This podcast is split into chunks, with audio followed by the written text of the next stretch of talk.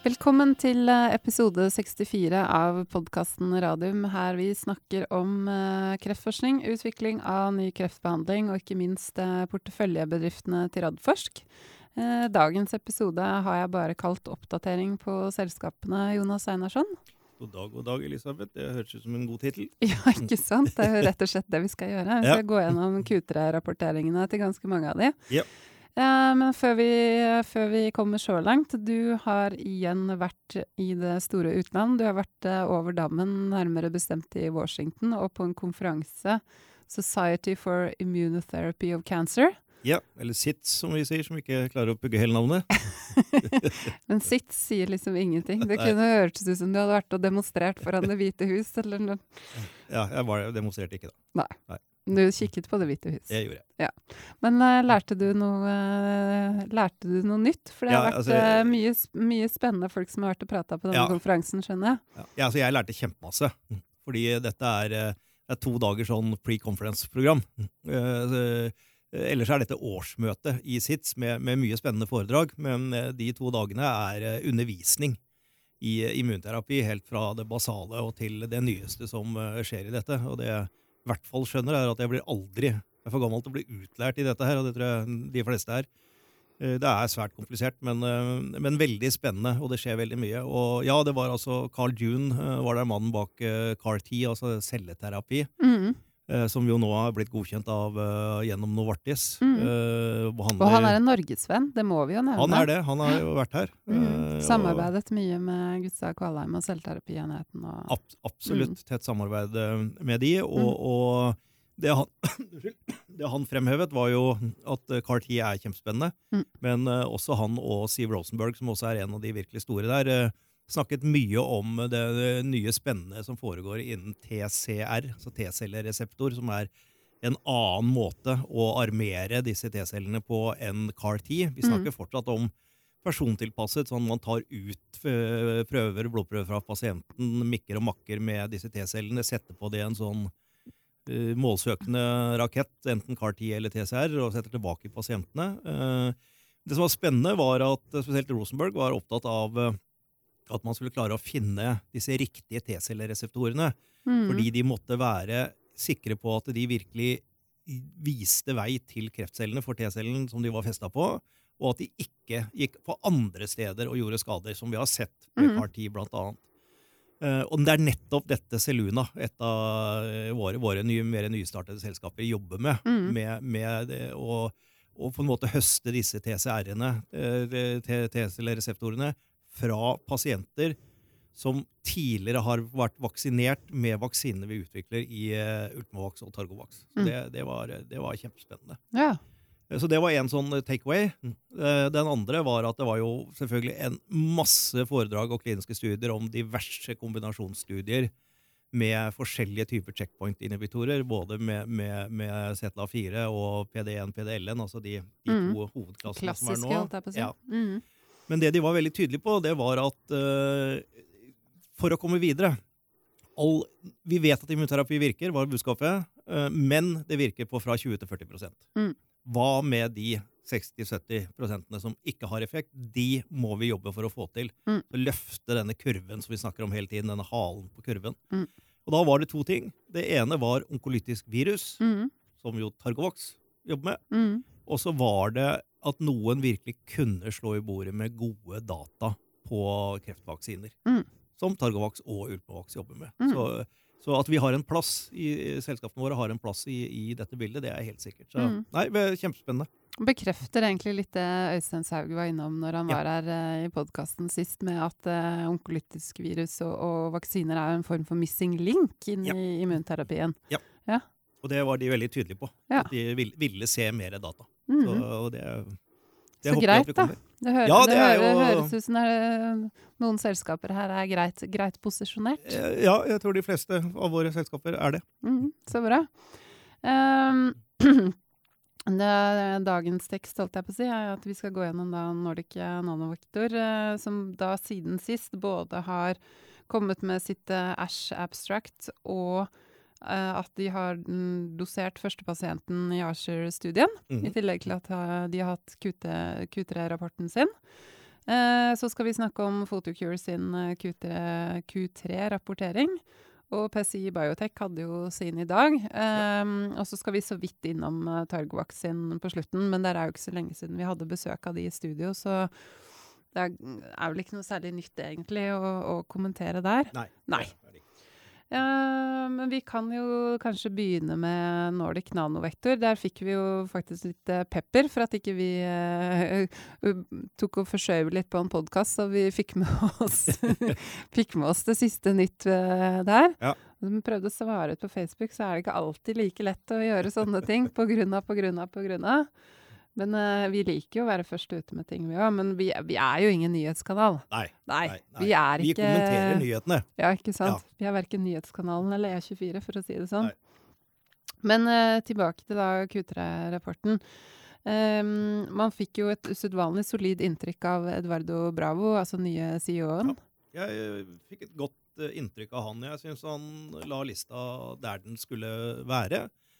Uh, nøktern, men, men, opptatt av å legge frem hvor langt de var kommet, og, og hva de hadde oppnådd uh, så langt, og, og, med tankene fremover. Så ja, nei, solid inntrykk. Mm. Og, og, en ting som jeg la merke til, var nettopp det at han eh, Han er så fast bestemt på det at eh, betalutin har så stor verdi. At for dem som selskap så er det på en måte ikke fornuftig å inngå en partnerskapsavtale eller selge ut betalutin. Fordi han, som han sa, altså, de vil ikke få nok igjen for det. Altså for det han mener produktet er verdt. Mm. Det syns jeg var veldig interessant. Ja, og det var jo øh, egentlig hele filosofien til Nordic Nanovektor når de satte denne emisjonen på, på 500 millioner. Mm. Det var å skaffe seg det handlingsrommet. Det betyr ikke at de ikke snakker med Nei, de store nei, selskapene, Nei. men de snakker med de med den, øh, den selvtilliten som det gir å vite at du er i stand til å øh, fremskaffe de endelige kliniske dataene uten å måtte bli fundet uh, av de. Mm. Jeg hadde litt av den samme diskusjonen med PCI Biotech uh, tidligere i dag. Mm. Er det riktig å gjøre en emisjon, eller skal man uh, gå for en partnerskapsavtale? Eh, og jeg har jo vært tydelig på det tidligere. Hvis det er mulig å reise penger til å skaffe dataene selv, og vite at man har leverage til å gjøre det, som Mm. nå PCI og Nordic Nanovektor har, Mm. så mener jeg det er det riktige første steget å gjøre. Og så kan det godt være at man uh, gjør en partneravtale i den perioden. Uh, litt usikker, men temmelig sikker på at jeg husker riktig, at Algeta reiste noen, uh, en del penger nesten like før de gjorde første avtalen med Bayer. Første eller andre, eller, eller under oppkjøpet. Mm. Eh, og det var for, for å Uansett, altså, så er tanken at du, at du har penger nok til at du sier at hvis vi ikke er fornøyd med de eh, kriteriene som blir satt fra eh, den partneren du eh, forhandler med, Mm. så sier du at nei, men da, da gjør vi det selv. Mm. Uh, og det er ingen tvil om at jo mer du de-risker caset ditt, jo mer er det verdt. Uh, fordi at det er klart at jo tidligere Big Pharma kommer inn, jo tidligere sier de at vi skal bære hele risikoen.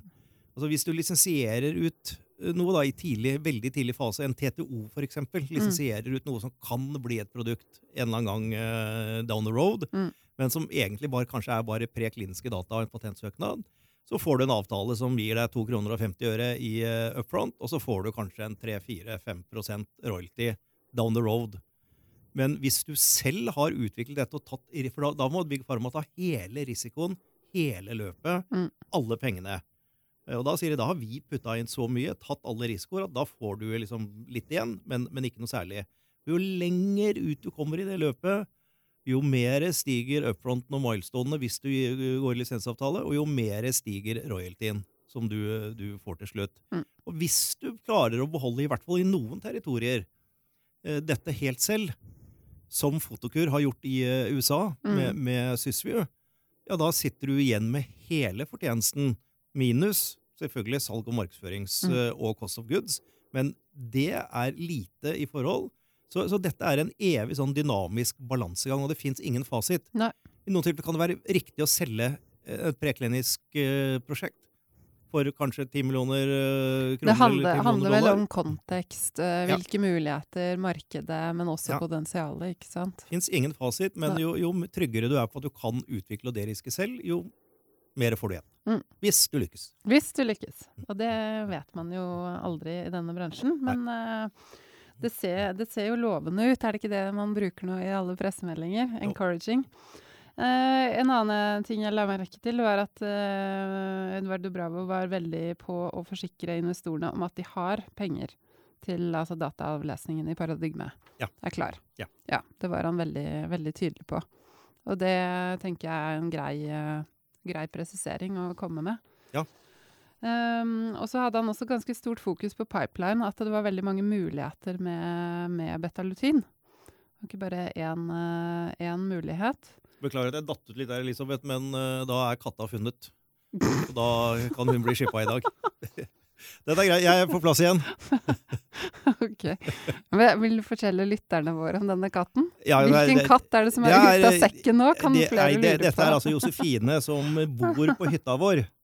Eh, og hun har en egen katteluke, og den har hun hatt i fred. Men nå har hun fått en rivaliserende dame der som også vil komme inn i hytta til stadig vekk. Og da driver de og slåss inne, så nå må vi skippe Josefine sånn at hun, bare hun kommer inn gjennom katteluka. Så dette er, dette er svært viktig. Men ja. det er lovende. Det er lovende. vi får jo oppdatering i morgen når helseministeren er her. Skal ta det med høye. um, ja. Tilbake til, uh, til Nordic Nanovektor.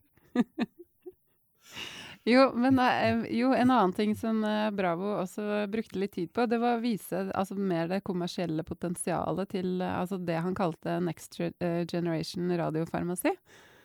Eh, altså rett og slett gå gjennom, eh, gå gjennom alt hva som skjer innafor det ja. området der. Eh, hvorfor brukte han så mye tid på det? fordi at i den indikasjonen som de utvikler betalutin, mm. så har det vært to radiofarmaka tidligere, eh, Bexar og Sevalin, mm. eh, med begrenset kommersiell suksess. Eh, sånn at det har hengt litt med om, om er nå dette gammeldags å bruke radiofarmaka. Vil det ha en plass som en, en, en, et verktøy i verktøyskassa? Mm. Uh, Sofigo har jo vist at det absolutt uh, er der. Uh, og det er mer og mer oppmerksomhet rundt nå at radiofarmaka også, kanskje i kombinasjon igjen med, med andre typer, typer behandling, som f.eks. CAR-10, TCR, PDN-PDL-hemmere, kan ha noe for seg. Sånn at det han egentlig viser, er at det nå er en voksende interesse mm. for, eh, for, området radiofarmaka. Mm. Og han sa vel at særlig Novartis har vel vært en del inne i bildet og gjort en ja. del oppkjøp eh, ja. ganske tidlig der, og veldig aktive, aktive der.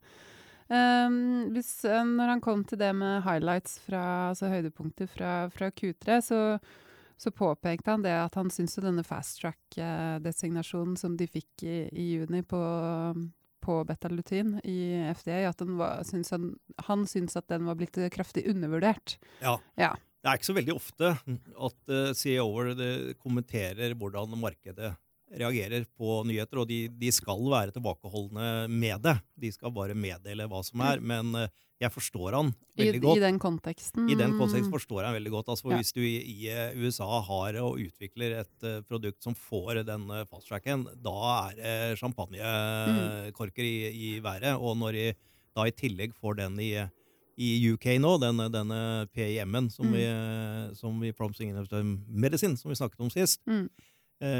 Så er det viktig å skjønne hvorfor man får det. Eh, og det får man fordi at myndighetene har sett på dataene.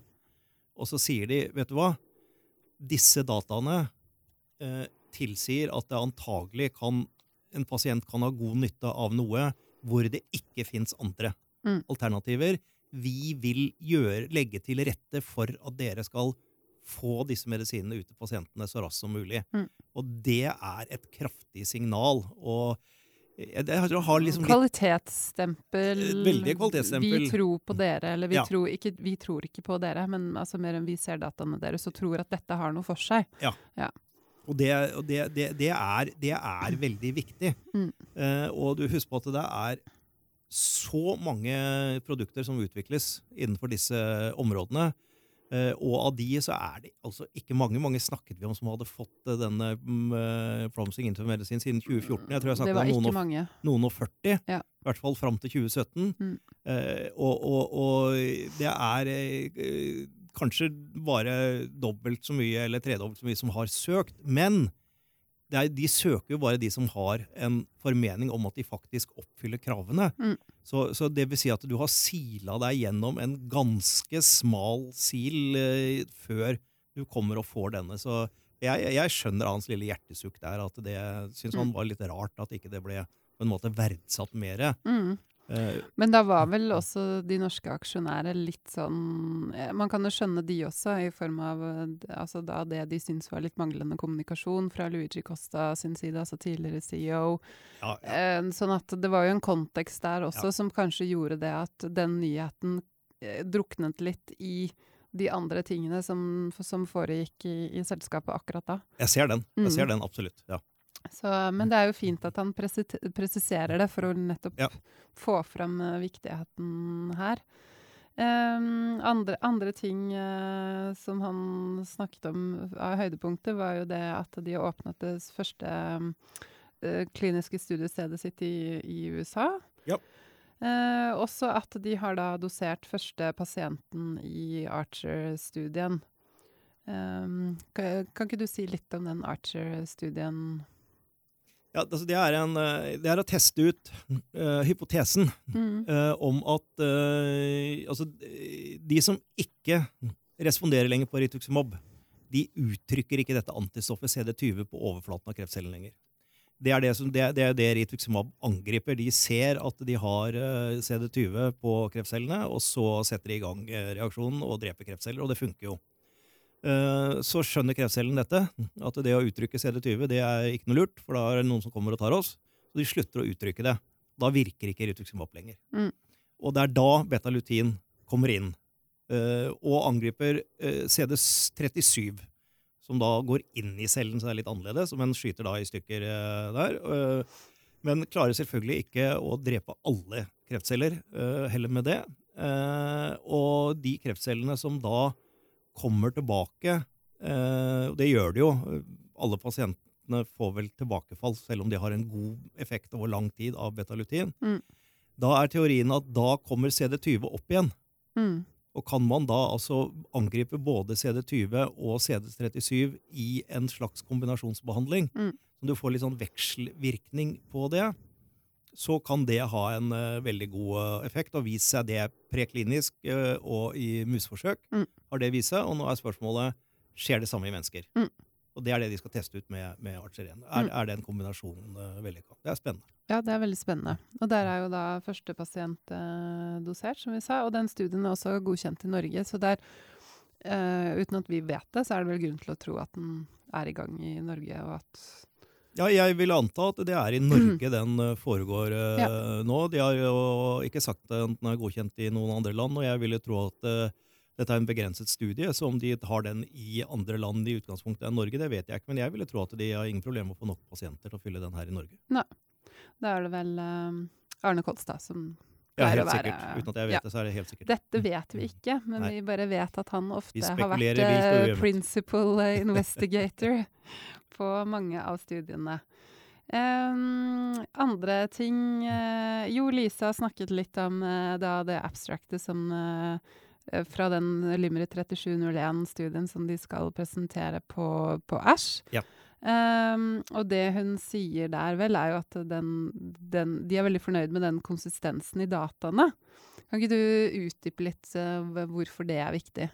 Det er viktig fordi at eh, etter hvert som eh, det kommer inn mer data, Mm. uh, så kan jo de slå begge veier. Uh, De kan, kan bli bedre, og det kan være dårligere enn det du får eh, indikasjoner til å begynne med, men så etter hvert så ser du at det begynner å få en viss mengde data, og så ser du at det ser ut som de, dette stoffet virker på den og den måten, og det ser ut som det er så og så mye pasienter som reagerer på det, med, med complete respons eller partial respons eller hva det måtte være, og, og det varer en, en god stund. Og så ser man at disse dataene, jo mer data man får inn, jo mer på en måte underbygger man at dette ikke er tilfeldigheter. Mm. Det er den konsistensen de snakker om uh, i det. Mm.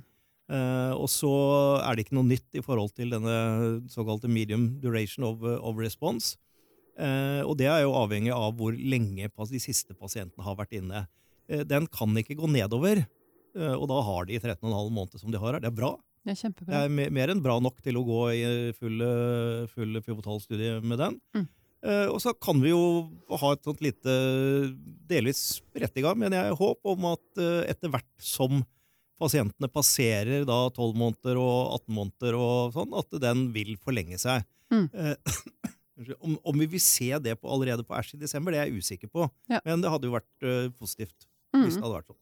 absolutt. Eh, så var det jo oppdatering da på paradig paradigmestudien, som er da registreringsstudien av, av betalutin. Ja. Eh, så de har jo nå 130 pasienter på 85 steder i 20 land. Skal ha. Skal ha.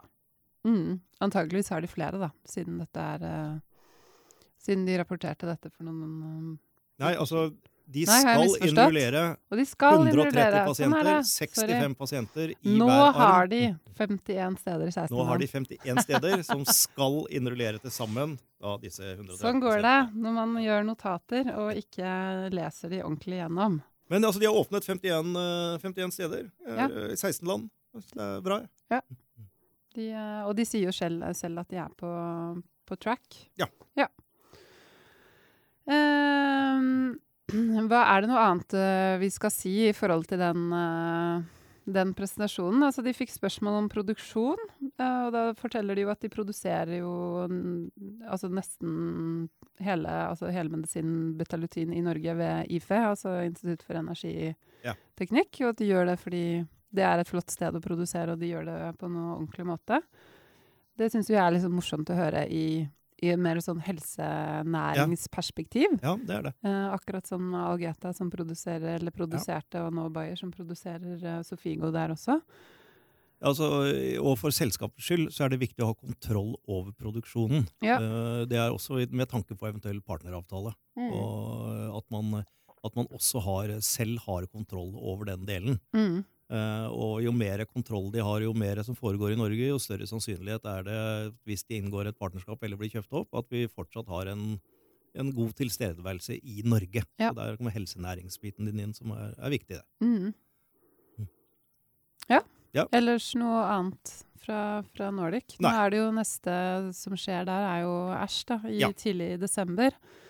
Uh, og vi skal ha Eduardo Bravo her i studio rett etter det, så det blir veldig spennende. det blir spennende. Ellers får vi bare følge med. Man vet jo aldri, det kan komme, komme ting når som helst. Eh, men Fotokur Jeg vet du, var veldig spent på den uh, Q3-rapporteringen. Ja. ja. Og det her var jo første gang vi fikk eh, se og høre Daniel Schneider, som er da ny CEO og president. Og han tok jo da deler av presentasjonen, selv om han hadde vel knapt vært i selskapet en ukes tid. Ja. ja. Eh, og han gjorde jo solid inntrykk. Ja da. Mm -hmm. uh, han har bare vært i selskapet en uke, men nå må jeg, må jeg regne med han har brukt litt tid på å sette seg inn i selskapet før han sa ja takk til å bli CEO. Så jeg forventa jo at han hadde en sånn Forhåpentligvis har han gjort en grundig due diligence. Ja. Det har han helt sikkert gjort. Ehm, hva, det jeg særlig, særlig la merke til, var jo det at den omsetningsveksten i USA er jo opp 42% Ja. Mm er jo, så de selger jo, de, og fortsetter å selge, og det øker. de selger, og de øker. Og så kan man si eh, Øker det raskt nok mm. uh, i forhold til det man uh, har forventet? Ja, Det spørs vel hva man, hva man forventer, og hvordan man ser på hvor lang tid uh, ting tar. Det er jo spesielt denne fleksiskop som er, er det mest spennende. Og så kan man si at man hadde kanskje håpa og sett eh, det første kvartalet med, med sorte tall, altså med en eh, positiv båndlinje. Det ble det ikke. Det ble minus fem, drøyt fem millioner. Mhm. Eh, Men av de igjen så var to millioner tatt fra denne struktureringsomkostningene fra, fra, som de gjorde i forrige kvartal. Mm. Så det var sånn bikka litt under. Da kan man godt si at det var vel kanskje litt skuffende. Ja, jeg er ikke så opptatt av det. Det Men var ikke, sa ikke også Erik Dahl som presiserte det på forrige kvartalsrapport, nå må du si fra hvis jeg husker feil, men at de gjorde en del investeringer der nettopp for å på sikt øke De gjør jo det. Så de. Altså det er et eller annet men først må du investere også. ja, de må gjøre mye, mye investeringer og har Ja. ansatt uh, mye folk, men så har de kutta ned på R&D-siden, sånn at eh, kostnadene sånn sett ikke har økt så mye. Mhm, Det jeg bet meg merke i, mm -hmm. uh, det var at uh, faktisk omsetningen økte Ja. fra Q2 til Q3. Mm. Og så begynte jeg å se litt nærmere på det, for jeg tenkte at ja, det er jeg ikke sikker på om jeg har sett før. Så det tok jeg kontakt med, med Erik Dahl, eh, og så spurte jeg eh, om det. Eh, og da fikk jeg tilbake fra han at jeg for så vidt tenker, tenker helt riktig i forhold til det. Det er altså faktisk i 2014 vi må tilbake til, hvor det var en økning fra Q2 til Q3. Eh, og da var den på 1 Mm. eh, Og alle de andre årene så har den vært lavere. Eh, og så kan du si at er det riktig å skylde på at det var veldig varmt i sommer, og at de hadde sommerferie i USA og sånn? Kan høres billig ut, men, men det er ikke det, fordi at det er historisk. At i alle år så Mm. får du en, har du fått en dipp i Q3 av forskjellige typer årsaker, men, Mm. men det, det har gått igjen fra år til år. I år var det altså faktisk en økning. Og for meg er det et veldig positivt signal. Ja, for da er det liksom enda mer forsterka Ja. basert på de historiske Ja. salgstallene. Så jeg, jeg ser det som et, et positivt uh, signal. Mm. Uh, og det er klart at eh, spesielt på fleksiskop-siden så er jo dette så nytt, og det tar tid å få inn. Og alle vet hvordan eh, sykehus, sykehus like alle vet, men jeg vet i hvert fall hvordan sykehusbyråkratier fungerer. Det, det tar tid. Det går kjempefort. Nei. Ja. Nei. Men jeg tenker også sånn at når de da først har investert i det og fått dette på plass, Mm. så tror jeg at den uh, bruken av det vil, vil eh, øke raskt. Så, så jeg er, er, har vært det, sagt det det siste året, og jeg står fast ved det. Jeg er svært positiv til eh, utviklingen i, i Fotokur. Uh, syns de gjør alt riktig nå. Mm. Kan historie være historie, men nå syns jeg de gjør, gjør alt riktig. Mm. Uh, og det de også kom og opplyste da på, på denne uh, rapporten, det var jo at de hadde fått denne kode A for Ja, eh, refusjon, refusjon. på fleksiskop. Mm. Eh, så kan du si hva betyr det? Mm. Eh, er det en økning i refusjon? Nei. Det er det ikke. Det er den samme refusjonen som de hadde fått tidligere, men de har fått en kode A, og det betyr at den er permanent. Mm. Nå Det- har de liksom fått sin egen kode i systemet, kan man sin si egen, det sånn? egen kode. Den Ja. har nummer f- et eller annet. Jeg hadde det her. Uh, I hvert fall fått sitt, fått sitt eget eh, nummer. A9589. Mm. Uh, og da vet de som skal investere i et fleksiskop, at vi kommer til å få Pengene våre igjen. pengene våre. Og det er ikke noe som endres om et halvt år eller ett år. Den er permanent, Mm. hvis ikke det skjer noe helt uh, utenforstående i det. Mm. Uh, og det syns jeg er en, er en god nyhet, og jeg Mm. det er en viktig nyhet. Uh, og jeg spurte Erik hvorfor i all verden børsmeldte dere ikke det? -hmm. Og svaret hans er at de mente at det ikke ga noen vesentlig merinformasjon siden refusjonen allerede var til stede Mm. eh, og ikke økte. Eh, Jeg er ikke enig i det. Ja. Jeg, jeg syns det var Du mener de kunne sendt ut en Jeg melding på at nå er det blitt Ja. permanent, fordi det på en måte sikrer ja. Så, så, så Ja. kan du si at da ville kanskje kursen gått enda mer i været før uh, Q3, og så kom resultatene og reaksjonen på det, og hvordan hadde det slått ut. Men, men altså, jeg, jeg er av den mening at, at dette, dette burde børsmeldt. Men, men whatever. Det er positivt. Ehm, det som Daniel Schneider også sa, er jo det at uh, framover så kan man se de på muligheten for å ekspandere både til nye markeder og også ekspandere porteføljen. Ja. Han nevnte jo da det, særlig det samarbeidet eh, her i Norden med Combat Medical som de Ja. skal starte på tidlig 29, men så var han veldig sånn til å poengtere at men først og fremst nå så skal vi konsentrere oss om om Hegsviks uh, Swissview i, Ja. i USA. I USA må de, må de det. Ja. Det er det ene, eneste fokuset de skal ha. Mm. Uh, men det er klart at salgsstyrken f.eks. i Norden, som Mm. jo den avtalen er på nå, de bør absolutt ha et plass til et rom til i kofferten sin for å, å også selge dette Mm. til, til Combat. Så jeg syns det er riktig. Og så utvide markedene. Ja, de er jo i ferd med det flere steder. Eh, Men igjen, vi skal ikke regne med noen store salg der. Det, altså, det kommer til å ta tid der å komme gjennom i markedet. Jeg Mm. så på noen slides fra presentasjonen til dette kanadiske eh, selskapet. Mm. Eh, og de var fornøyd med utviklingen, men eh, det tok lengre tid enn de hadde forventet å komme i gang og, og få installert skop osv. Så, videre. Mm. så det må jobbes. Det Mm. må det. Jeg hadde jo stilt forresten et spørsmål til til eh, Erik, for det var jeg litt spent på. Og det, Dette canadiske selskapet Sorry, nå går det litt trøgt i hjernen min. Hvilket var det du tenkte på da? det er et kanadisk selskap som har eh, inngått lisensavtale for å selge Sysview Ja, i. Canada. Ja. Eh, og de har fått alle tillatelser og er i gang. Ja. Men, men som da sier at det tar, tar, tar litt tid Mm. å komme i gang. Mm. Men de hadde plassert ut skop allerede, så Mm. kanskje det tikker inn noen små salg der i løpet av neste kvartal. Det hadde Mm. vært, eh, vært hyggelig. Men dette her er vel mer en sånn kjensgjerning at når du skal begynne med noe nytt i helsevesenet, så tar det tid. Det er ikke bare i Norge, men det er liksom litt gjengs, er det ikke det? Det er, eh, det, er det absolutt. Ja. Og så er det liksom Det sånn er en det sånn er et tog- konservativ, treg materie Det er et tog som er, er tungt å dra i gang, men Mm. når det først er i gang, så, så ruller det. Mm. Men jeg bare skulle inn på litt, det var i forhold til mulighetene muligheten deres for å nå virkelig slå igjennom i USA og få utplassert disse skopene og solgt Sysview. Eh, så jeg spurte hvordan er samarbeidet deres med Carl Storz Mm. eh, rundt det. Og da svarer han at Carl Storz har altså en egen, eh, relativt stor, dedikert salgsstyrke Mm. i eh, USA som jobber for å få sykehusene til å kjøpe eh, skopene Mm. for å bruke de da med, sammen med Sysview. Mm.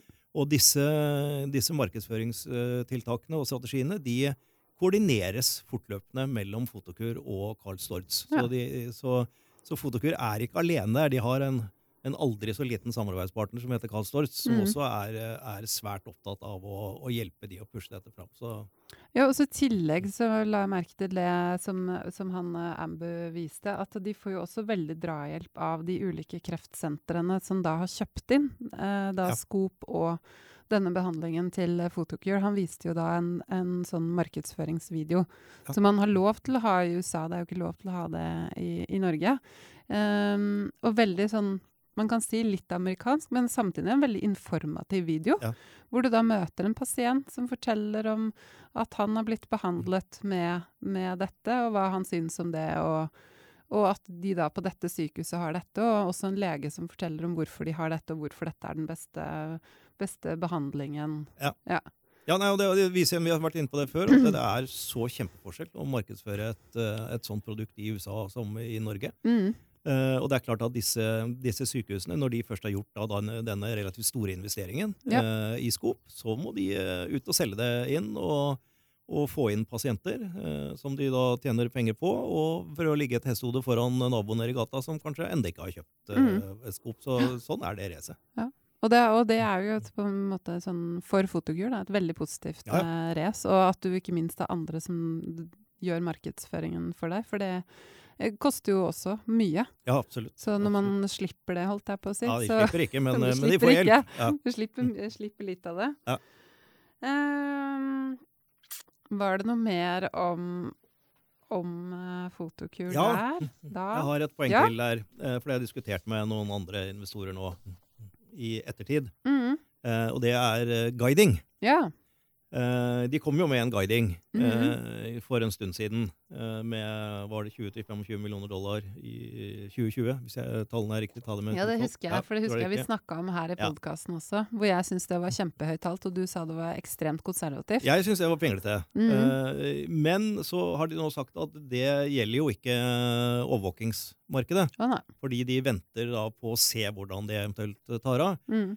Eh, og så var det, og så har de sagt de skal komme med en oppdatert eh, guiding, eh, som skulle komme i løpet av dette året. Eh, nå sa Schneider at eh, senest ved Q4-fremleggingen, det er altså i februar, Mm. kanskje altså fire-seks uker etter det, Mm. Eh, og jeg tror han eh, tok det forbeholdet fordi han faktisk har vært der en uke. Mm. Og det er han som skal stå inne for den nye guidingen. Mm. Eh, og derfor valgte de å ikke kommentere. Det vil altså si at de fortsatt guider på dette beløpet for de rigide skopene. Mm. Og for det så er vel det en, i mine øyne en, en grei guiding. Eh, og så må vi da smøre oss med tålmodighet i noen uker til og høre hva de mener om når de legger til eh, overvåkingsmarkedet. Mm. Eh, så det på noen Jeg ble sikkert beskyldt for å være positivt alt igjen, men, men at det på noen måte skal være negativt, det, det har jeg vanskelig for å forstå. Nei. Jeg synes det er eh, helt greit, og jeg er kjempespent på hva de, hva de nå tør å komme ut med. Mm. Uh, når, de, når de ser uh, litt mer. Og det er klart, de vet mer nå også, for de vet om uh, hvor mange sykehus de snakker med, hvor langt det er kommet i beslutningsprosessene, altså pipelinen på å, å få solgt mer og utplassert mer skop. Uh, og der var de vel litt sånn bullish og sa at de hadde en solid Mm. pipeline på det. Mm. Så spennende ting. Tar litt tid, folkens. Dette kommer. Men det, det Jeg må blir hengt, jeg blir hengt hvis ikke det går. Men Ja, eh, jeg mener nå det. da. Og denne podkasten inneholder mine meninger. Ja, Ingen sannheter. Det, det, da har vi kommet med en disclaimer på det også. Kanskje ta det hver gang. I episode 64. Først da kom de med disclaimeren. ja, bedre sent enn aldri. Vi får kanskje begynne å guide på hva vi selv skal, eh, skal si. Nei, uff a meg. Det skal vi ikke gjøre. Um, jeg ser på klokka. Vi er snakkesal i dag, eh, skjønner jeg, siden det er eh, et par uker siden sist vi hadde podkast. Men vi, vi, må, vi må fortsette. eh, Og da skal vi over til PCI Biotech. Der er bilde av katten, ja. Er katten. Sånn, nå er sitter jeg og ser på bilder av katten. PCI Biotech, ja. Ja. ja. Det var til Nå eh, begynner jeg å få sånne assosiasjoner til sånne kattevideoer på Facebook og sånt, som som folk bare hater eller elsker. Ja. Jeg er litt, jeg er litt sånn uh, midt mellom. PCI Biotech. De hadde jo sin uh, Q3-rapportering i dag i, uh, i Jonas Einarsson auditorium. Vi har et auditorium som heter det her i Oslo Kanstkluster eh, Innovasjonspark. Uh, Eh, du var der. Jeg satt på toget eh, og hørte på. Eh, det, var ikke noe, det var ikke noe bilder. Eh, og umiddelbart så syns jeg jo at, eh, at Per Val Valdai, CEO, gjorde en eh, veldig god og grundig presentasjon. Ja. Eh, ja, og på slutten så fikk han jo masse, masse spørsmål. eh, Det kan vi kanskje komme litt tilbake til. Um, men altså de høydepunktene som han da trekker fram, det er jo da selvfølgelig at de nå har sikret 360 millioner kroner uh, til da å kjøre registreringsstudien av behandling av gallegangskreft. Uh, og den skal de da starte med studien i tidlig 2019. Han sa faktisk tidlig 2019. Guidingen, guidingen er første halvår 2019. Men Ja, siden han han skal tidlig. spekulere i hva han sier, så sa han tidlig. Ja, han Ja. gjorde det. Ja, For det er ikke bare jeg som har notert Eh, en ønsketenkning her, liksom. Nei. Eh, og så sier han jo også da at de har hentet inn Karin Staudaker, som skal ha ansvar for, eh, for registreringsstudien. Eh, og det som jeg syns var litt uh, interessant der, er at hun har bakgrunn både fra Targovax og fra Algeta. Har vært med på da studien på Sofigo, Ja. som da ble uh, Altså kom på markedet med Algeta, og da mm. senere førte til oppkjøp med Bayer der. Um, og så gikk han jo da Det som jeg syns var litt spennende, altså han går jo inn på da liksom rammebetingelsene her nå for, eh, for eh, behandlingen, og den er jo usedvanlig altså god. Det skal være førstelinjebehandling, gallegangskreft. Det fins jo ikke noe annet uh, som Altså, de skal jo da uh, forbedre den behandlingen som fins. Ja. Um, og de har gode data fra fase 1, og de har orphan drug-status i både EU og USA, siden det er en sjelden sykdom og har høyt medisinsk behov. Er det noe jeg har glemt? Eh, ja, eh, Ja, det er åpningen for uh, accelerated approval Ja, på, in, på interimdata. Ja.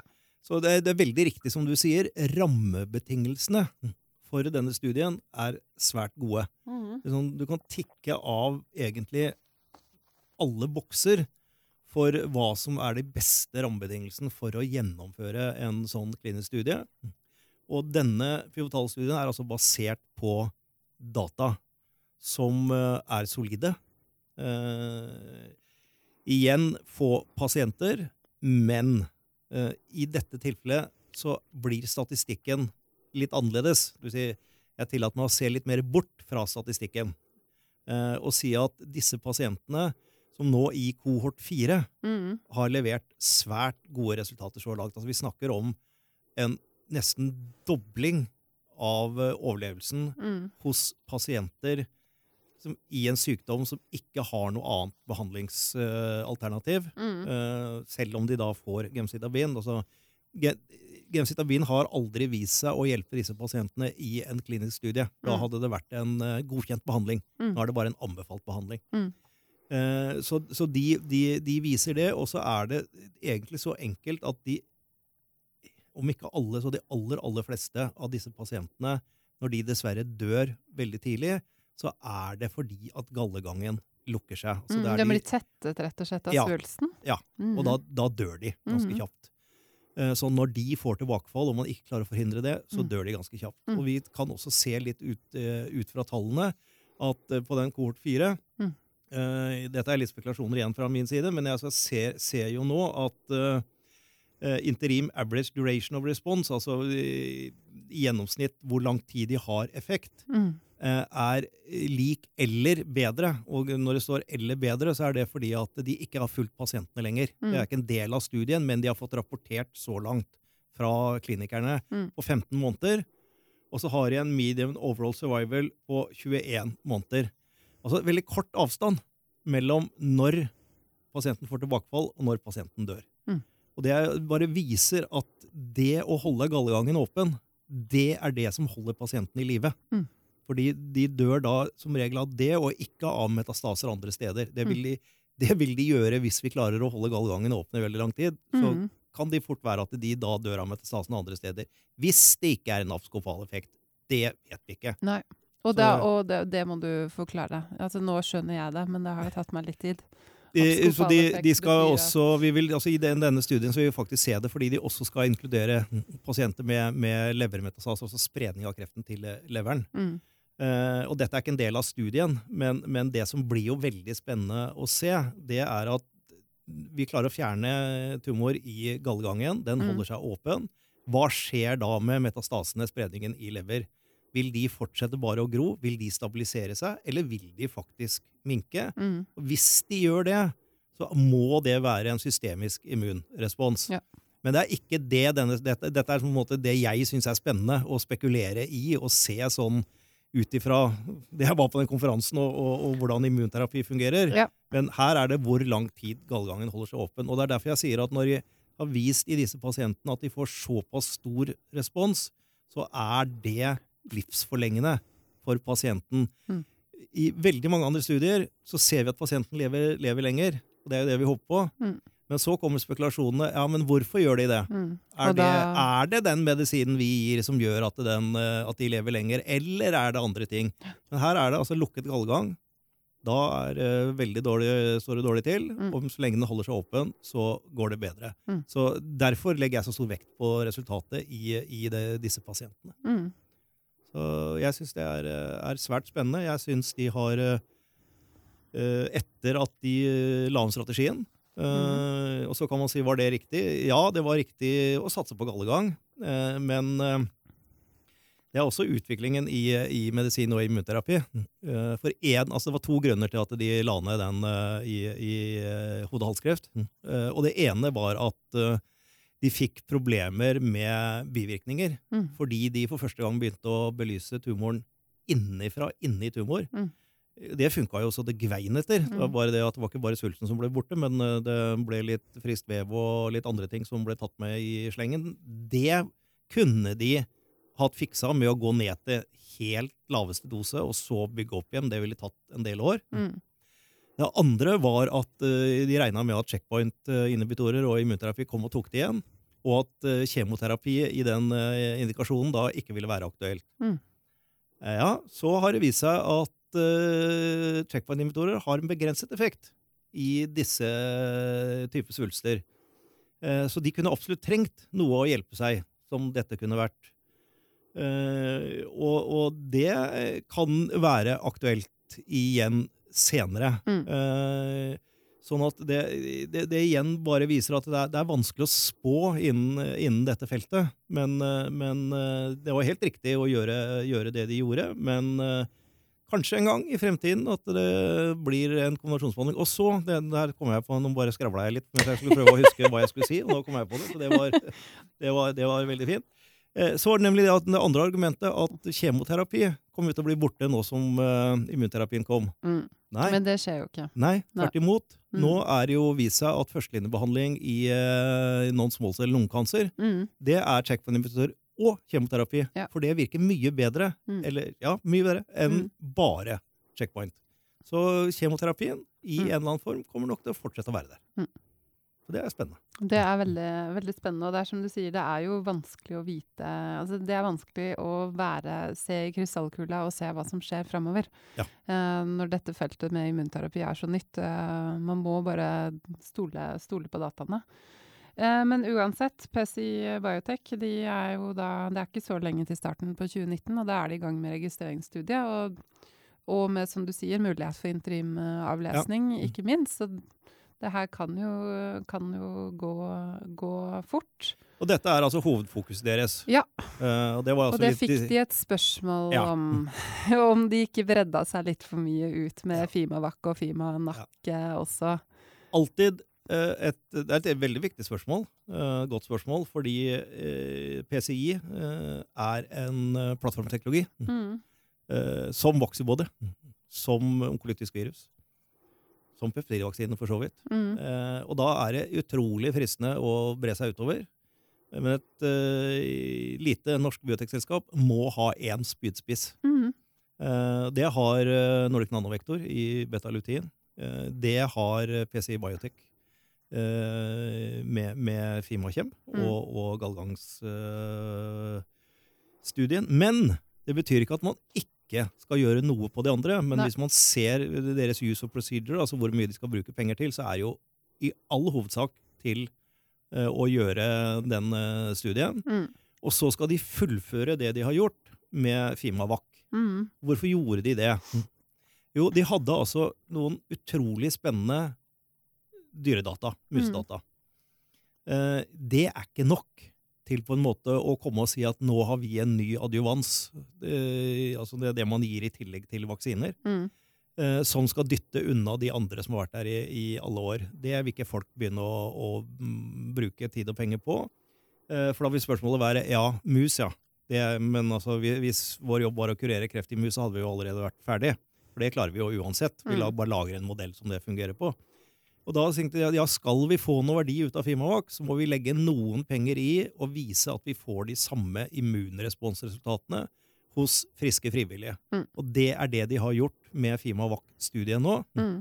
Og de er ferdige å bruke det mesteparten av pengene de skal bruke til det. Jeg tror de satte av 20 millioner eh, for å fullføre det. De dataene kommer snart. eh, og det de dataene er, det er de, de kommer til å bli komplisert å forstå.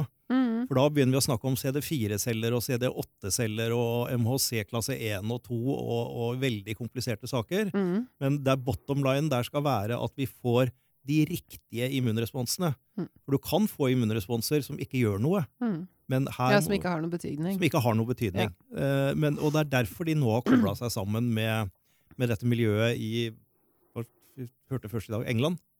Ja, det husker jeg ikke. Nei, men Nei. eh, Det tog, tog, nett, nettet på NSB er ikke alltid Nei, altså de, de har gjort en samarbeidsavtale med et svært renovert uh, miljø i jeg tror det var England, jeg skal Mm. sjekke det, Ja. Uh, som nå skal gjøre alle disse analysene. mm. Og komme med en rapport hva de mener at mm. dette innebærer. Så da får du liksom en uhilda tredjepart. Ja. Uh, Ja. ja. Det gjør du. Smart. Eh, og så, når de resultatene er kommet, så må øh, PCI si til andre som jobber med dette, som jobber med, med kreftvaksiner og innenfor feltet, her er data fra mennesker. Mm. er dette godt nok til at dere vil lisensiere det. Mm. De har altså ingen planer om å kjøre dette videre. Nei. Hvis de et, plutselig har et hav av penger uh, fordi det skjer et eller annet med, med Fimakjem, ja, da kan det være mulig at de legger om strategien, men Mm. inntil det så er strategien at de da skal lisensiere ut. Mm. Så det er det de bruker på den. Og den siste plattformen, Fimanak, Mm. der er de helt pragmatiske. De som vil samarbeide med dem og ta alle kostnader, de kan gjøre det. Mm. Og så får vi se hva som kommer ut av, eh, av eh, disse samarbeidsavtalene. Det kan komme noe fort nå. Det har vært kjempemorsomt og hyggelig. Mm. Men det kan også ta flere år, fordi Mm. de jobber preklinisk. De jobber eh, altså in vivo, men, men i, i eh, musemodeller. Så, så, men, men, det koster ikke selskapet noe. Det ligger ikke noen nese i det, Nei. og det ligger bare en potensiell oppside. Så får vi se hva som kommer ut av det. Og de har jo mange samarbeid innafor Seks. Ja, ikke sant. Ja. Um, det som slo meg litt i dag, var at eh, Jo, de, det må vi egentlig kommentere, syns jeg, i form av det at det er ganske en, en god del av aksjonærene som ikke har vært helt uh, fornøyd med måten emisjonen ble gjennomført på. Eh, for det var det en del kommentarer og, og spørsmål på. Hva, hva vil du si, si om det? Jeg, jeg tror jeg skal si det litt som Per sa det selv. At mm. de analyserte alle muligheter. De Ja. snakket eh, masse med sine tilretteleggere, bankene.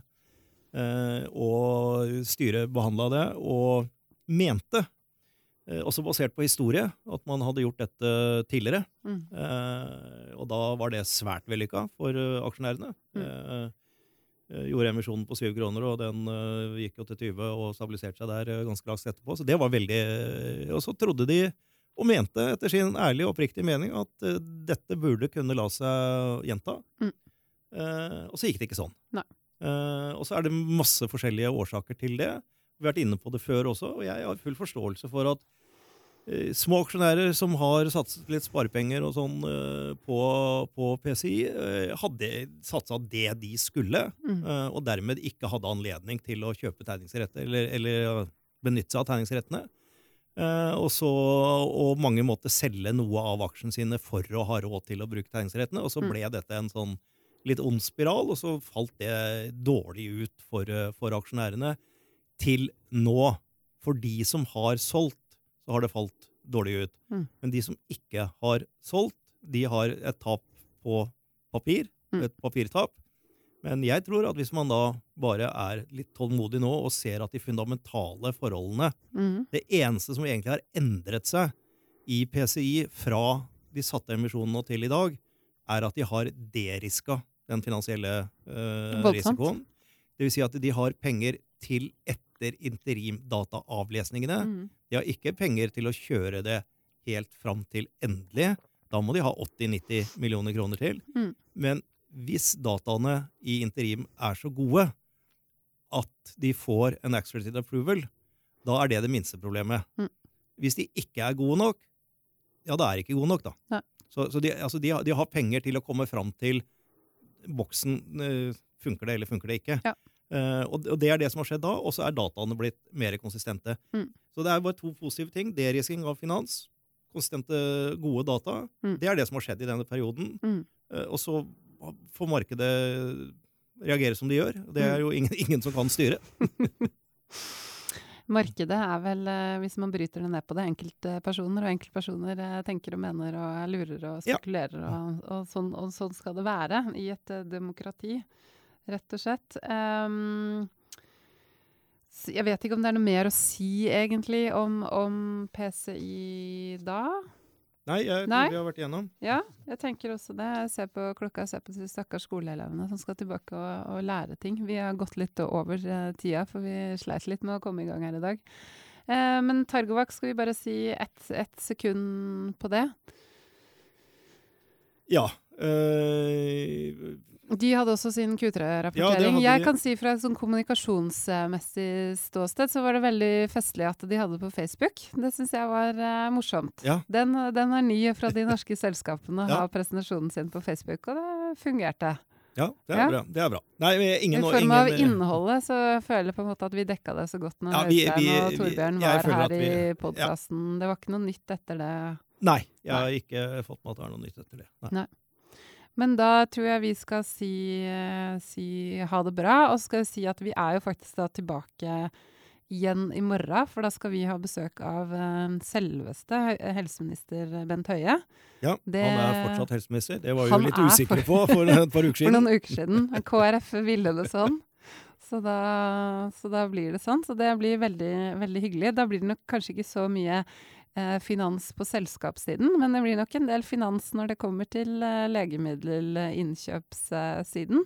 Ja, altså, Hvis vi skal tease noe av det vi skal prate om. ja, altså, jeg vil si at uh, vi skal snakke med helseministeren, ja. Men mm. det kommer en helsenæringsmelding nå Det i februar det. som Finansdepartementet er ansvarlig for. Men Nei, næring. Nei, Næringsdepartementet.